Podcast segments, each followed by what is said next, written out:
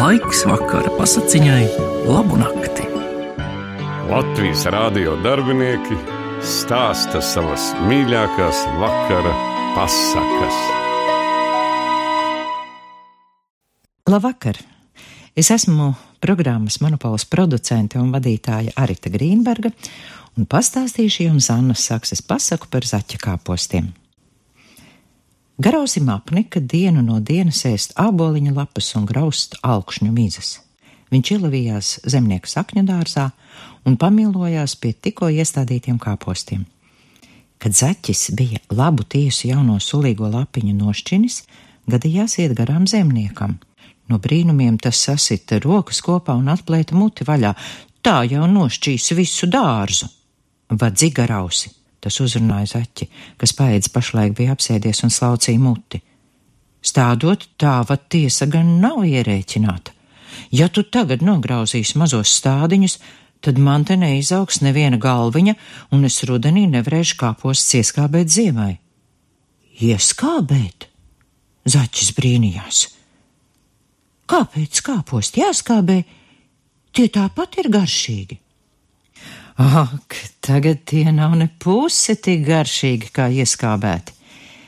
Vai zini, tagad tu labāk liec manu dārzu mierā, bet atnāc ziemā, tad es tev došu nogaršot skābus kāpostus.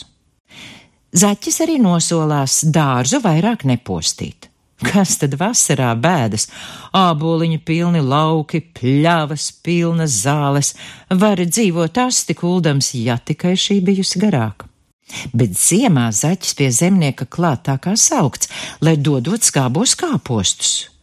Iedod zemnieks vienreiz, zaķis otrā dienā klāt atkal. Tā un tā, vasarā šis esot bijis tik labs, palīdzējis zemniekam dārzu taupīt, lai no atmaksājot šā labo sirdi, kad ne lāgā šūnīs nevarot no sniega apakšas izkasīt. Baro zemnieku zaķi dienu no dienas, bet redz, šeit Pēc Ziemassvētkiem kāpostu kubuls tukšs, un kur nu vēl ziemai gals? Pietrūks abiem garšīgās ēsmas. Pavasarī zemnieks saka zaķim: Paklaus, sābri! Tev jau lielāki lauki nekā man, vai tu nevarētu sēt kāpostus pats savā zemē? Man nav kāpostu sēklu, zaķis bēdīgi atzīstas. Brauc uz Rīgu! Es arī katru pavasari braucu pēc kāpos sēklām uz Rīgu. Zemnieks domā, ka ticis no zaķa vaļā.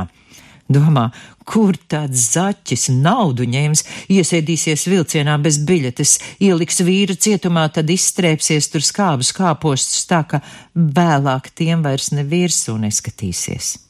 Bet šis zaķis nebija no muļķiem, kaut gan ausis tam ne par sprīdi nav īsāks kā citiem zaķiem.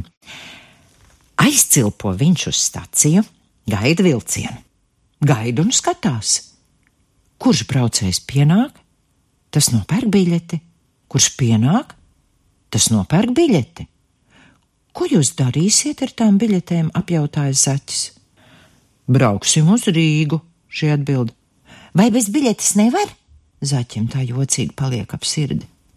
Bez biļetes nevar. Hm. Tādu nešpetnību. Cilponu atpakaļ Rīgu neredzējis un kāpos sēklas nedabūjis. Zaķim sirds sāp kā aizpērna sašautā ķepa. Viņš nosēžas uz ceļa stabiņu un rauš no acīm asaras.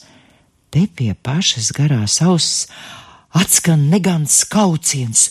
Suņi! Zaķītim lipa kļūst augsta, viņš gribētu mukt, bet paliek uz stabiņa kā piesals. Ak, tu brīnums! Kaucēji nav viss suņi, bet mazas glītas mājas uz riteņiem piebrauc pie stācijas. Ļaudis steigšus raušas pa kāpnēm iekšā. Ak, tad tā brauc uz Rīgu, domā zaķis. Laimīgu ceļu, laimīgu ceļu!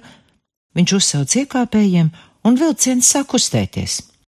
Pag! Es varētu pavizināties līdz putnu gāršai. Zaķim pēkšņi iešaujas prātā. Viņš uzlec uz kāpnēm un brauc kā kungs.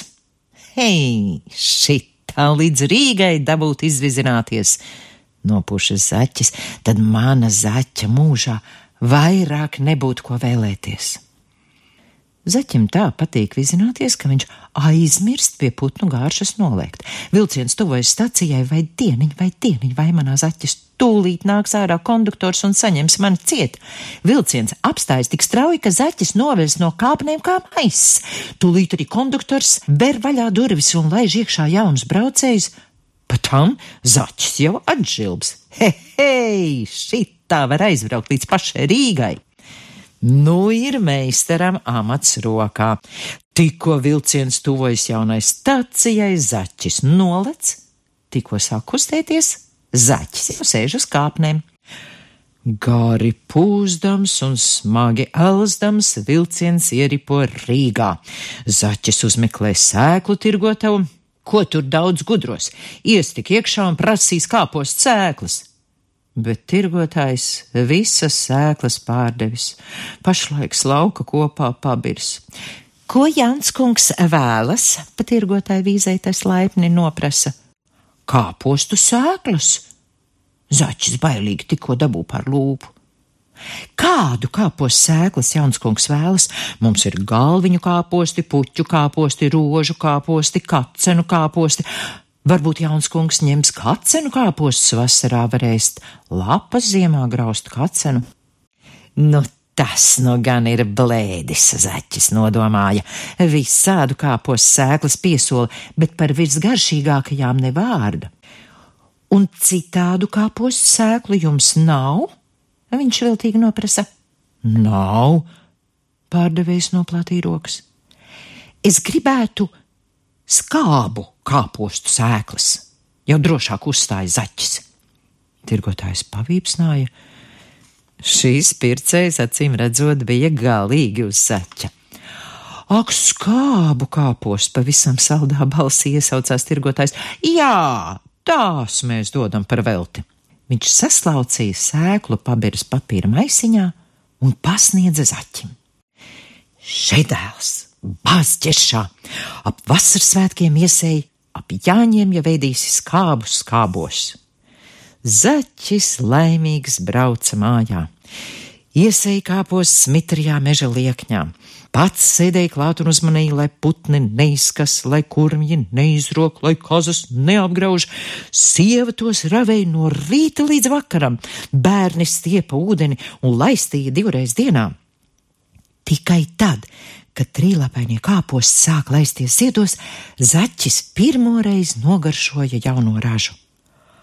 Lai vilks mani apēd, ja tie nav skābi kāposti, iesaucās zaķis, lēnām sūkādams nokosto lapiņu. Nu arī zaķini un zaķēni saklupa kāpostu grēdā un slavēdami ēdas kāpos kāpostus vasaras laikā. Nu, zaķis kļuva lepns un lielīgs kā tītars, visus aicināja uz skābu kāpos mīlestību un stāstīja, kā bez naudas izbraukājis Rīgu. Kopš tā laika skābās meža puķītes sauc par zaķa kāpostiem, bet braucējs bez biļetēm par zaķiem.